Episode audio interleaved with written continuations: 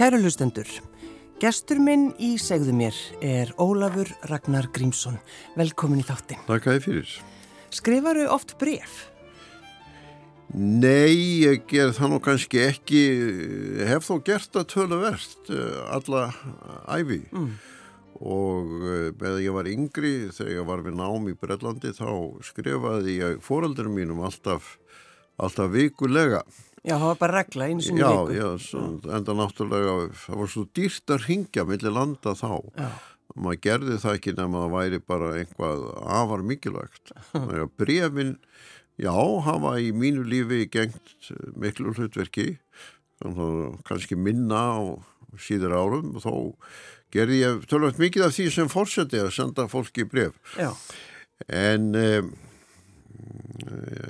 þau bref sem eru byrt í þessari bók sem ég var að gefa út brefin hennar mömmu eru þetta líka áminningum það hvað stuttir síðan að brefaskriftir voru eina aðferðin sem fólk átti kost á til þess að geta verið í samskiptum við jöfnvel makasinn, fjölskyldu og aðra. Og þess vegna finnum við þennan fjársjóð sem brefin eru varðandi líf fóraldra minna en líka þjóðarsöguna og það er kannski verður að segjast í miður okkar tíma þegar mann senda bara SMS eða einhvað á Instagram eða TikTok eða einhvað og, og eða netpost. Það mun kannski allt saman glatast. Mm. þannig að ef einhver er hér í útastætti eftir 100 ár og vil ræða uh, fortíð á þann hátt sem við ætlum að ræðum hana þá verður það þá var það ekki hægt.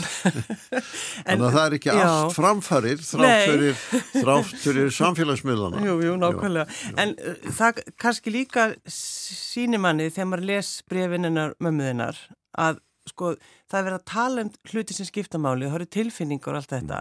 Að því að þú ert ekki að tala í síman við makaðinn eða neitt slikt skiluru. Þannig að það þarf að þessi bref þurfa að segja einhverja sögu.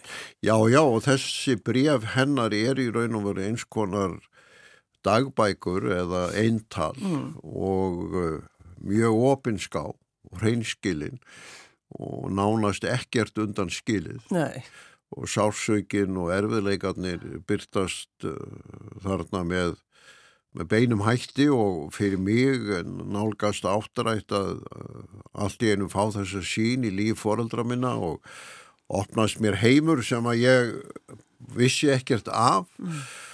og var kannski meðvitað haldið frá mér ungum að þeirra lífsglíma var miklu erfiðari og sásökafyllir en, en maður gerði sig grein fyrir en símtækin voru ekkert mjög algeng. Ég, þegar ég er sendur í fóstur til að áfu ömmu á þingari vegna bergla veiki móðuminnar og er þar í tæp sjö ár og hún sér mig bara í fáinn skipti á þessu langa tíma þá voru ekkert mörg símtæki í þorpinu og flestir þurftu að lappa á símstöðuna til þess að fá símtal við ættingja.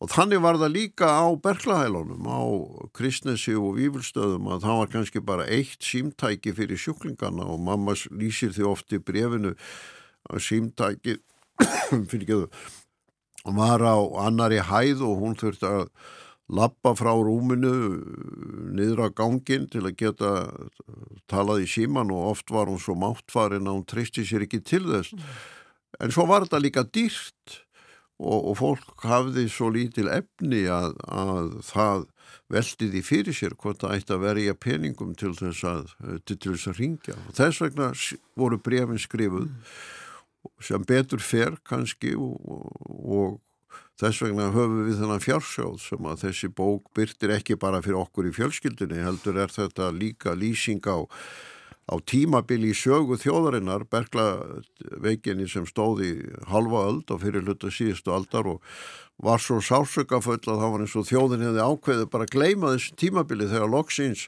upp á 1950 fundust einhver meðul sem duðu. Við skulum aðeins byrja á bláu beikluðu töskunni sem að fylgdi þér Ólafur Ragnar alla tíð og þú bara opnaðir aldrei. Nei, ég, það, skil, ég skil það ekki. nei, sko þessi bláa taska sem er nú reyndar enn til eh, var ferðartaskur Málmi Já. og var orðin aldrei byggluð og, reyðguð og tilhyrði fóreldurum mínum. Mm. Og þegar ég var uh, úningur og, og ungur maður og þá, þá var þetta taska fóreldra minna og þess vegna kannski eðlilegt að ég væri ekki mikið að velta því fyrir mér hvað er í henni. Nei. En hún fylgdi okkur frá Ísafyrði og, og var þegar við legðum íbúð á óðinskutinni og svo að hagamellum og svo fluttum við á Seldjarnanesið við pappi eftir að mamma dó og þá var taskan bara inn í gamlum svona fataskáp sem hafi fyllt okkur frá Ísafyrði það var ekki lengur notaður eh, sem fataskápur heldur hafður í bílskúrnum og og þar voru ymsið svona pappakassar með skjölum og svona. Og svo er það nú eiginlega þannig eh, lífið tekur völdin og, og ég kynnti skuðrúnu Katrínu og við eignum stöll og tinnu og lífið var fullt af alls konar verkefnum og æfintýrum þannig ég var ekkert að pæla í því hvað væri inn í einhverju gammalli tösku sem var gemt uh, á botninum uh, á gamlum skáp inn í bílskurnum og eins og ég lýsi svo í bókinni að þá er stjórnskipun líðveldisins á þann veg að, að bara nokkrum vikum eftir út kosin fósetti þá ótt að flytja á bestastadi þannig að það er ekkit mikil tími til að skoða hvað að taka með sér og hvað ekki. Þannig að við bara tókum allt saman. Og sem betur fyrr voru stórar geimslur í kjallaranum og bestum og bara fór allt þangað. Og, og var þar í geimslu allan tíma sem ég var fósetti og og síðan ákvað ég þegar ég hætti að láta flytja all minn skjöl inn í þjóðskjálasöfnið og flokka þar. Og þá voru yfir 200 kassar. En þá var þessi skápur loksins tæmtur og bláataskan tekið bara með og það gerðu uh, fulltrúar þjóðskjálasöfnins og þeir voru í raun og veru þeir fyrstu sem opnuðu taskuna Já. 70 e, árum eftir að við komum frá Ísafjörði eða svo og ég í sjálfu sér var ekki að velta fyrir mér hvað væri þessari tösku. En Marja Pálsdóttir mikill frumkvöld og hugssjónakona sem ákvaða taka yfir hlut af kristnansælinu í eigafyrði og búa þar til þetta merkilega sapn hælið mm. um, um Berglavíkina sem segja ótrúlegt sapn og mikið lífsreynslu að skoða það. Í raun og veru bara hennar fungkvæði á síðust árum og ég stutt hana aðeins í þessu verkefni og, og þegar safnið var víkt fyrir nokkrum árum fyrir norðan þá spurðum mig hvort það væri ekki til einhver bref frá mamma því mamma hafði líka verið á Kristnesæli og, og, og sjúkrósun Akureyri. Mm. og ég hvað eiginlega nei við. Nei. Nei, ég hafði aldrei heyrt um neinn bref en ég lofaði henn að kanna þetta. Svo kom nú koronafaraldurinn Þjóðskalasafni var lokað eins og fleiri eh, stofnanir. En svo þegar það var nú opnað ný og ég var búin að ganga frá bókinni Rætur sem ég gaf út fyrir um ár síðan um svona æskuarun þá eh, taldi ég nú rétt að efna þetta lofórðu Marju og nú þá var búin að flokka öll skjölinn í svona tölvusgrá og, og þar var askja sem var mert fóreldunum mínum og bref og og ég fór eitt góðan veðdag um sumarið upp á þjóðskjálasöfn og inn í lestrasalinn og þar voru bara fáinni grúskarar svona, og letu eh, ekki mikið fyrir sér fara. Og svo komuð skjálaverðin og báru fram þessa öskuðana kassa. Og ég saði við sjámanbítur og lögur eh, er þetta svo mörg brefa það þurfi eh, heila ösku kassa undir þau og ég opnaði hana og þá allt í einu að nálgast áttræðit finn ég þessi bref frá mammu týjir brefa sem hún skrifar í, frá því að þau gifta sig 1939 og hún er í raun og verið í rúminu þegar hún gifti sig sem mm. ég vissi aldrei með, Var hún ekki með? Hún Já, hún var sem skreina komin einhverju leiti með berglana aftur Já og prestunum verður bara að koma heim í litla húsa á balanum og gifta þau þar sem nána, nánast við rúmstokkin og hún fer ekki með pappa til Ísafjörðar eh, eftir giftinguna heldur er hún áfram veik á þingur og er svo senda á výjulstaði þannig að það líður rúmt ár þangar til þau geta verið saman með einhverjum hætti. Og ég vissi bara ekkert um þessa sögu. Þannig að sko... brefin opna mér allt einu hann í þjóðskjálasöfninu sitt þar háaldraður í þessari þögn í lestras mm. og fer að fletta þessum bregðum því þau eru öll í upprunnulegum umslögum, tekur úr umslöginu og fer að lesa þetta. Það opnast mér algjörlega ný, sársöka full og nýstandi sín á þetta líf sem er ekki bara saga móðuminnar og fjölskyldunar heldur líka þjóðarsaga um berglaveikina sem að eh, heldtók þjóðin í halva öld og fyrirlöta síðustu þjóðin ákvað sem einhverjum hætti að gleima mm. Og þegar ég var eiginlega búin að jafna mig eftir þennan lestur á þessum brefum þá og hafði rætt þetta aðeins og rætt þetta við Maríu, varðandi sapnið, þá ákvað ég að gefa þessi bref út af því að þetta er líka merkur kapli í þjóðarsögunni. Það var eins og þjóðin reyndi bara að gleima berglónum eftir að fanns loksins einhver lækning eftir, eftir 50 ár og en það er svo stutt síðan að ég er enn á lífi og ég er sæmilega fullu fjöri en þetta mótaði alla æsku mína og þetta mótaði líf þúsunda Íslandinga og það sem er kannski enn meira nýstandi er það að það voru aðalega ungar konur. Það var stærsti hópurinn sem Berglandir herjuð á og það voru ungar konur og Berglandir lögðu líf þeirra í rúst. Þær voru kannski eins og mamma sem er 15 ár og blóma skeiði æfisinnar uh, á Berglahælum fær ekki að sjá svon sín árum saman, hittir ekki eiginmann, hittir enga ættinga eða fjölskyldur og deyr svo rúmlega 50 ekki kannski beint úr berglónum heldur af afleggingu berglónum lungun, þóldu, ylla slæm, slæm veður en það voru þúsundir ungar að könna um all land sem á fyrirluta síðust aldar annarkvart lágu langtímum saman, áru saman á hælum eða dóu í blóma lífsins og þá skulum við ekki gleyma sko, fjölskyldum þeirra, ástvinum, uh, sískinum, foreldrum og öllum þessum fjölda sem þjáðist. Þannig að þessi bók hún lýsir í líka svona nýstandi kabla í þjóðarsögunni sem er ekki aftur einhverju grári fornisku heldur var veruleikin þegar mín kynslo var alast upp og foreldrar og afar og ömmu margar þeirra sem enn er, enn er í fullu fjöri. Þannig mér fannst að í virðingarskýri við þessar þúsundir sem glimdu við berglana og sérstaklega þjáningar þessara ungu kvenna þá fannst mér rétt að gefa þessi bref út. Mm. Hvernig leið þér Ólaður Ragnar þegar þú bara þú last fyrsta brefið og þú ert þarna í kringum annað fólk Veist, hvernig var hvernig leið þér? Það er í sjálfu sér erfitt að lýsa því vegna þess að þessi saga var mér náttúrulega mestu hulin, þetta vissi ég að mamma hafi glýmt við Berklana og ég vissi að hún var á Berkla hælum og hún hafi gengist undir þessa hryllilegu hrotta aðgjörn sem var kvölduð högning þegar voru tekin úr henni nýjur yf og sjúklingandi voru ekki svæfðir. Það var bara eitt skurðlæknir Guðmundur Karl Akuri sem tristi sér í þessa hrotta aðgjörn en að hún hefði verið árum saman á hælum og ekki geta verið með pappa fyrstu árin í þeirra hjónabandi og hún er sé á vývilstöðum jöfnvel bara nokkuð oft rétt áður en við flytjum söður var einhvað sem ég vissi alls ekki um. En sko þegar maður les brefin, þú veist, maður, maður finnur ástina. Þannig að ég sko. reyna að svara spurninguðinn um áhrifin. Sko, þetta var eiginlega vissan átt svona eins og högg vegna þess að, að há aldraður er ég alltaf einu að skinja algjörlega nýja sín á líf foreldra mína, þess, minna þess að erfiðu glímu og, og þá tragedíu sem móðu mín er að glíma við en svo kom ég líka óvart þegar ég fer að lesa brefin sko, hvað þau eru í raun og veru vel skrifuð mm.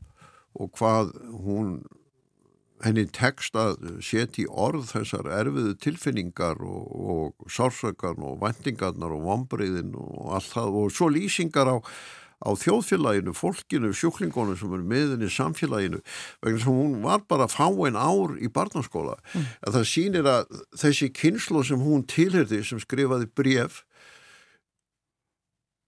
að þorri landsmanna var eiginlega svona rítöfandar í aukastarfi vegna þess að þau voru alltaf að skrifa bref. Þau er svo fallið brefinu. Já, Já.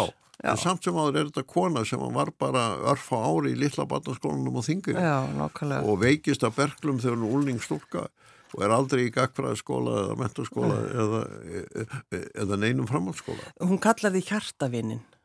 Já, já, það var líka, hvernig hún skrifar um mig, ungan, var líka snart mig mjög og, og þannig að bókin er í raun og veru að veita sjálfum mér algjörlega svona nýja sín á, á æsku mína æsku mínu uppruna. Mm.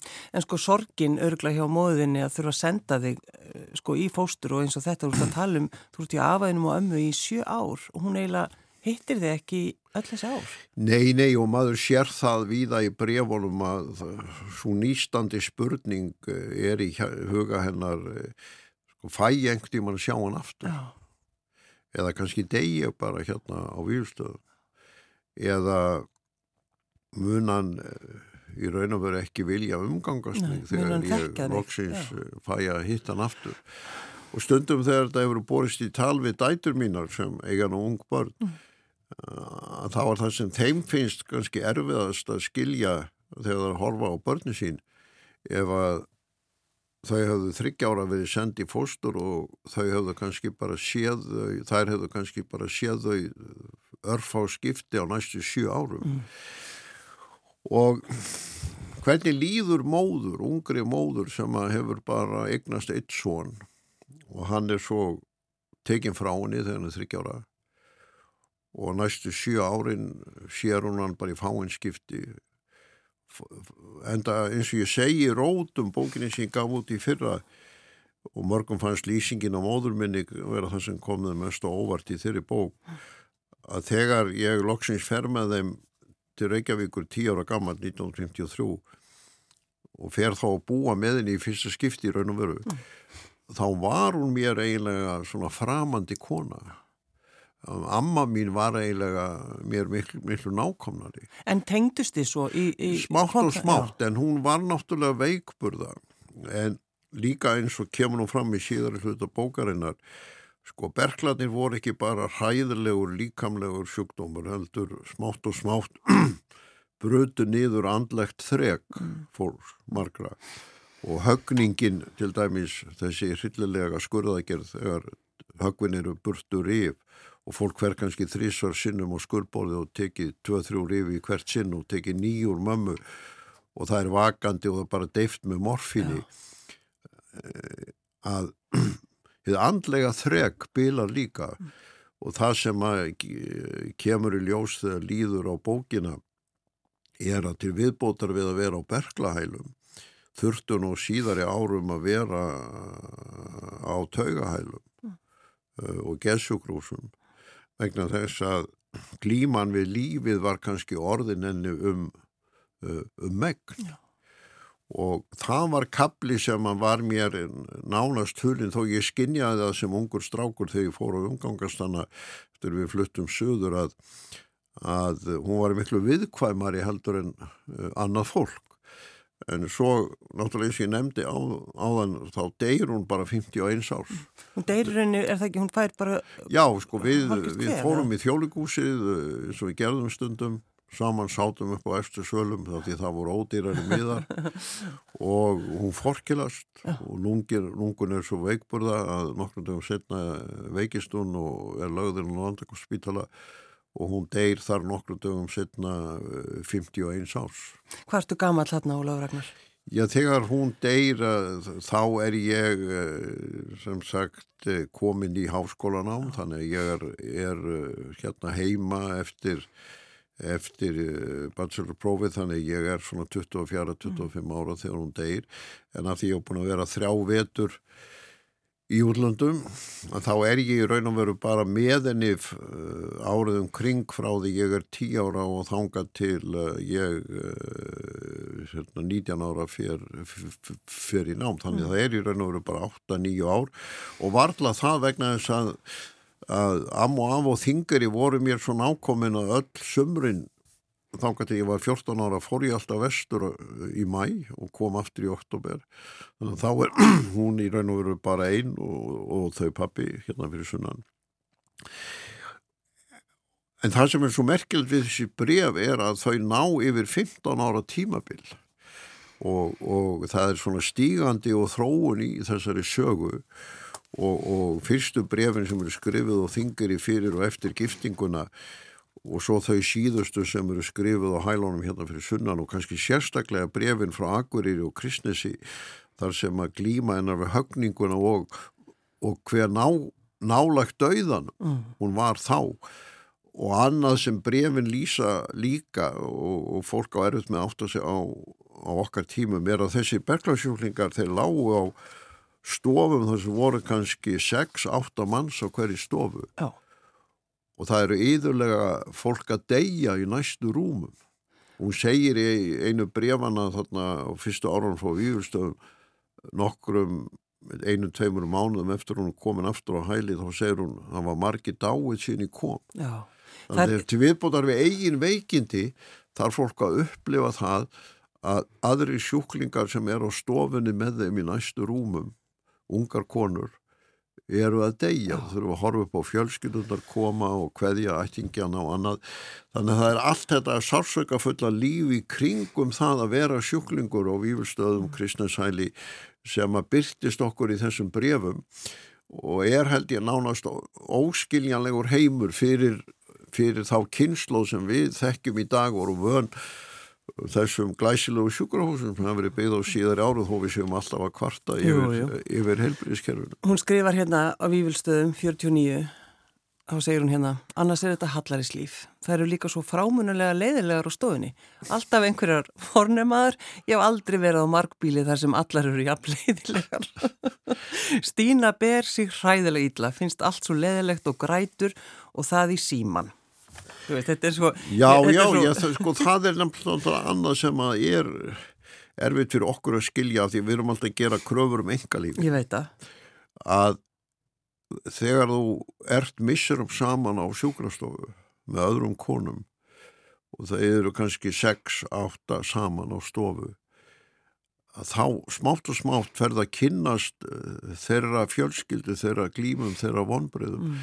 hún lýsi líka í brefunum að það er prestur sem kemur ofti í heimsókn á výlstöð vegna þess að konan hans liggur Berglavík í sömu stofu mamma Já.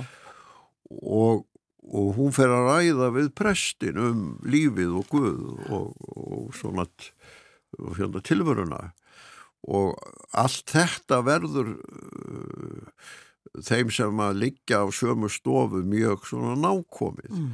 er líka það að sjá svo eftir mörgum sjúklingum deyja og næstur húmum og velta því fyrir sér verð verði ég næst Já. verði ég næst og, og þó að sé bara fá einn bref frá pappa mm. þá er líka hinn hliðin á þessari sögu er að hann er einn á Ísafjörði misserum saman vegna þess að samgöngur voru svo takmarkar á þessum tíma það var ekkert að keira til Akureyra og Ísafyrði það voru bara strandferðarskipin og þau komu einu sinni eða tvísar í mánuði. Og hann þurfti auðvitað að vinna og afla tekna fyrir heimilið og því leiti bundin Ísafyrði þannig að jafnvel þó hún sé fárveika á Akureyri við högninguna þá getur hann ekki farið en það hefur hann engin tækifæri til þess vegna þess að þá voru engar samgöngur. Og maður sér til dæmis í mörgum brefum og segir nú ætla ég að skrifa þeirra því ég frétti það er skip að fara vest og, og það er þessi samfélagslýsing á Íslandi æskuminnar þar sem að samgöngundar eru með þeim hætti að fólk lokast inni mánuðum og missirum saman og getur ekki heimsótt farveikan makasinn og pappi verður einn að glíma við þessa tilveru og eins og ég segi þetta í tekstanum Eitt kvöldi þegar mamma er í högningun og akkurir ringir Guðmundur Karl Læknir í hann til þess að segja honum að það sé ekki víst að hún, að hún, að hún lifi nóttina. Og hvernig líður honum einum uh, vissurum og árum saman uh, á Ísafjörði og það er eiginlega eitt af því sem að ég áttaði mig líka á þegar ég las brefin í þjóðskjálasafninu og fór svo að skoða þau nánar það er eiginlega merkilegt að ástöður á umhyggja, hún lifir þetta allt af. Það er nú kannski svo ótrúlegt. Já, lifir Já. þetta allt af. Það, það því hún nefndi þetta Ólaður Ragnar að hún hafi, þú veist, bara gengið í skóla í einhvern smá tíma. Sko, brefininnar er svo falli og hérna segir hún til dæmis, ég veit að þetta er afar erfitt hjá þér vinnu minn, en ég hugsa nú alltaf til þín með þakklátum kærleiksuga. Slikt skilur að vísa ekki mikið eftir af sínilegum verkum en er kannski þó betra en tómur heimur. Guð geimiði vinur minn, þín hildur og svo kemur kistu hjartavinnin frá mömmu, þú skal ekki senda mér garnið. Nei, nei.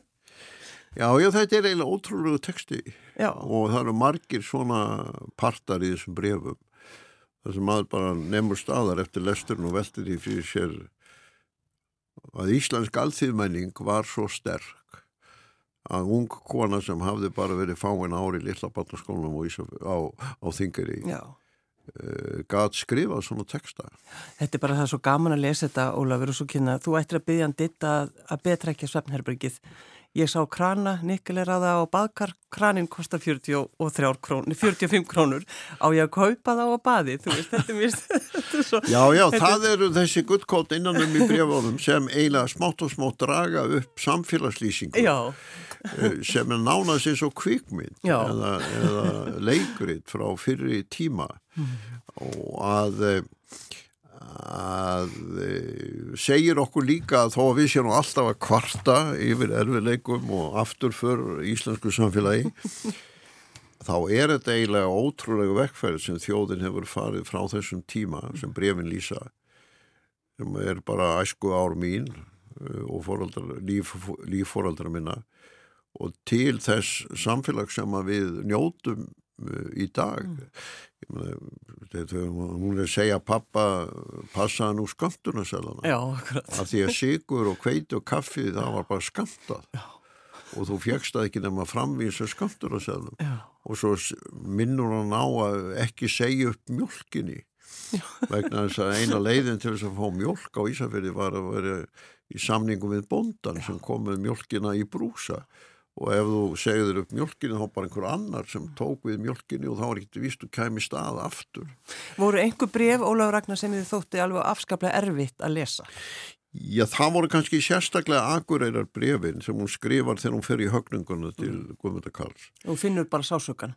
Já, sko vegna þess að, og það var eiginlega merkilegt að þau fundust vegna þess að fyrst gefur þessi askja sem að ég lesi í þjóðskilasamnum og ég ákvað svo að byggja að sapna að skanna þau brefu til þess að ég geti lesið þau betur því ég tristi mér eiginlega ekki til þess að vera að lesa þau öll nákvæmlega þarna í lestarasal þjóðskala Nei, maður skilur það nú bara, mjög vel.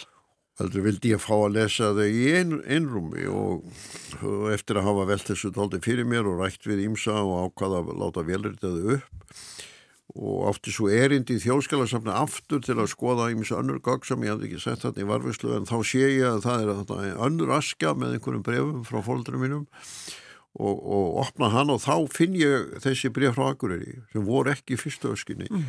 og, og viðbótar bref frá Kristnesi en brefin frá Akureyri þegar hún fer í högninguna þar sem hún er að veikum mætti að skrifa pappa bæði fyrir högningun og eftir og þar sem hún er að berjast við dauðan greinilega vikum og mánuðum saman. Þau voru fyrir mig kannski mest eða erfiðasti kablin í þessum lestri vegna þess að þá finnur maður bara í málskrin eftir málskrin og setning eftir setningu hvað hún er nálagt döðanum. En samt sem áður hefur hún kraft til að sitja í rúminu og skrifa. Mm. Og, og og, og svo fer hún þanan inn á kristinshæli og er þar í nokkur misseri. Og þau bref lýsa líka þeirri einangrun. Sko þú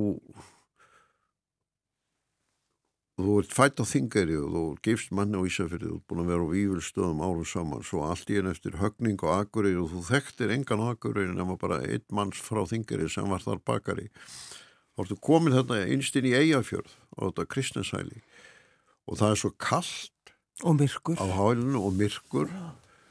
Og það er svo fáir og enginn sem hún þekkir. Og eins og hún segir maður fer út fram á gang og, og, og maður sér engan. Og hún skrifar pappa brefi í februar og segir ég vonast kannski að vera komin til þín fyrir ammalið þitt. En hvernig er ammalið pappa þar í september Þetta er í februar sem hún skrifur þetta og vonast Já, til þess að komast Já, vonast að ekki vera hittan í september. Hvernig þraukar þú þá í einangruninu og kristnusæli allan veturinn? Það er bara óskiljanlegt. Í, í kuldanum, Já. í þessu fámenni þar sem hún þekkir engan og lifir í voninni að kannski með höstinu mm. ekki getur komist vestur sem reyndar gerðist ekki sem reyndar gerðist ekki því að hún var send aftur á výlstaði En verður eitthvað sko hæli, á hælinu núna til dæmis, er það ekki, það, brefin verða þar eða hvað? Nei, sko brefin eru náttúrulega eins og öll þau skjöl sem að ég afhendi í þessu bara... mikla skjálasafni í, í raun og veru varðvöslu eign þjóðskjálasafni mm. ég afhendi öll mín skjöl á hans að vita í raun og veru hvað væri í öllum þessum kassum bara þjóðskjálasafninu til eignar og varðvöslu Já, og bláa bygglaða taskan líka. Já, taskan er þar líka. En hins vegar hefur Marja Pálsdóttir byggt í starfsmannahúsunum á Kristinsæli þetta einstæða samt sem að lýsir sögu Berglan og glímu fólksins við þennan sjúkdóm á mjög áhrifaríkan há og hefur kannski nýtt hæfileika sína og reynslu leikúsinu til þess að gera þetta skiljanlegt og upplifuna sterka. Mm. og uh, hún áttaði sig á því fann það einhvern veginn út að móður mín hafi verið veik af Berglum og, og við kom til mín þegar hún var með þessa hugmynd bara Við sátum í bakaríinu, í Mósusbakaríi og, og rættum þessa hugmynd og ég ákvaði stiðja hana og svo eftir þess að hún kynntist sögu mömmu betur þá ákvaði hún að nefna stofuna í stafsmannahúsinu Svanhildarstofu mm -hmm. og setja þar upp ímislegt sem að varpar ljósi á þessa glímu mömmu og núna fjekk hún kópjur af brefunum og töskunum sem hún útbýr á svona mjög uh, merkilegan hátt en líka eitt af því sem mamma gerði kemur nú vísi ekki fram í brefunum en, en hún ákvaða ef hún fengi að lifa eftir högninguna mynd hún sauma út dúk fyrir alltaf því þingarakirkju. Það var svona áheit á þingarakirkju hún var mikil hannirðakona og kláraði þennan dúk en lifði nú ekki á afhendan þingarakirkju. Þannig að við pappi fórum vestur sömari eftir hún dó og aðfendum þingarekirkjudúkin og síðan byrtir Marja þarna í Svaneldarstofinni á hælinu, samlinu ég að fyrir ljósmyndir frá því að þegar við Guðrún Kandrin tókum á móti Margreði Danadrottningum þegar hún kom hingað 1998 í tilefni af listaháttíð því að Margreði Danadrottning eh, hefur gert eh, listræn kirkjuklæði. Jú, jú hökla og annað og það var síning hér í, í uh,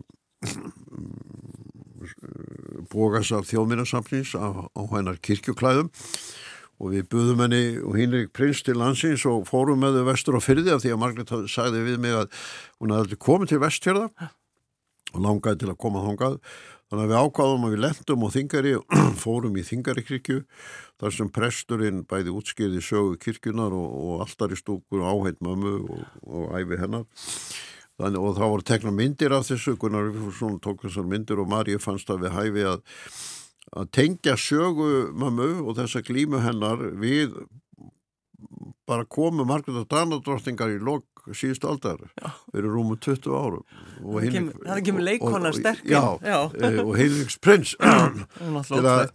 Og það var eina á ástæðanu líka fyrir því að hún ákvaða að nefna þessa stofu, svanaldarstofu og setja upp ímestafn ljósmyndir og annað sem tengja sögum ömmu og æfi minni með henni. Til að minna fólk á að að sonurinn þessarar móður sem glimti við Berklana hann væri tilturlega ný hættur sem fórseti það væri ekki lengra síðan og það er þess sem við verðum að munna að, að, já, já, að þessi klíma var mm. að, að þessi sonur hann er bara ný hættur þannig lagað. Með að við sögulegt samingi að gegna þessu ennbætti og Margret Danadrótting og Hinrik koma fyrir rúmum aldarfjörleiki til Þingarirkirkju til að og sjá með annars þennan dúk sem var áheit með ef hún lifði af, af, af högninguna og þannig er Marja kannski að nýta sögu mjög og segja bókin gerir það líka til að minna kynnslóðutar sem núna geta lesið bækur eða komið í heimsókn á þetta merkilega sapn á Kristnesi að þetta er ekki einhver æfagömmul saga. Þetta er hlut af nútíman. Þetta er hlut af nútíman. Og við erum svo sjálfkverf að við höfum verið að barma okkur mikið út af koronafaraldrinu. Og þetta var hann áskorun og, og erfiðleikar og, og búðum var lokað og skólum var lokað og þjólikúsið og, og önnu leikús voru lokuð og bíóin voru lokuð. En koronafaraldrinu, hann er nánast svona eins og leikskóli. Eins og bara léttvægur reynsla í samáborði við þessa áratuga glímu þjóðarinnar eh, allan fyrri helming síðustu aldar í 50 ár við, við Berglana þar sem á hverju ári þúsundir Íslandinga vektust og í heilan áratug voru Berglanir algengasta dánarorsökin í Reykjavík og algengast að dánar orsökin hjá hundruðum, jöfnvel þúsundum ungra kvenna og mörgum árum dóu hundruð barna. Á mörgum árum, mm. hverju ári hundruð barna uh, úr, úr berglum og, og hvers konar álag var það fyrir fjölskyldunar og þjóðina að þurfa í 50 ár að glíma við faraldur og þessu tægi sem reynda smitaðist með svipuðum hætti eins og koronaveiran gerði. Þannig að þetta er líka áminningum það þó við verðum fyrir áfalli eins og koronafaraldrinum þá er til dæra skamt síðan þjóðin þurft að glíma við miklu erfiðri glímu í miklu lengri tíma. Ólaf Ragnar Grímsson, takk fyrir að koma. Takk að þið fyrir.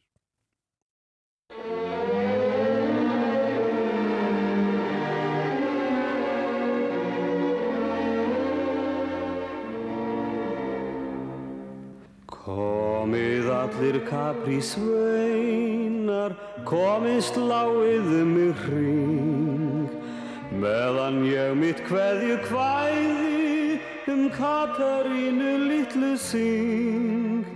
Látið hlæg og grát af gleði, gítara og mandolín. Katarína, Katarína, Katarín er stúlkan mín Í fiski kofa og kletta einni Katarína litla býr Sýrennur á sundi bláu Syngjum okkar æfintýr Á viðaskál í skuggum trjána hún mér sitt kapri vín Katarína, Katarína Katarína stúlkan mín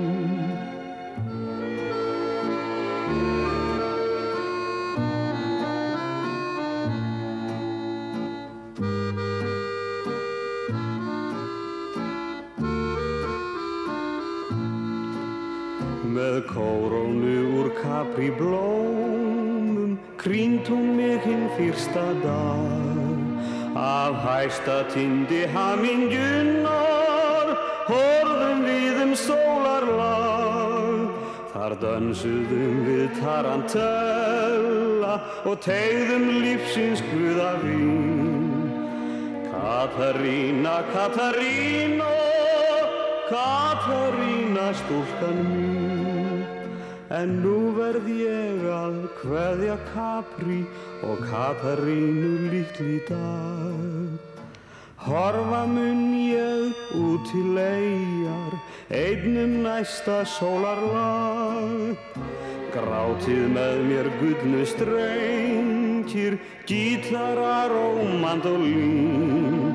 Og Katarína, Katarína, Katarína stúlkan mín.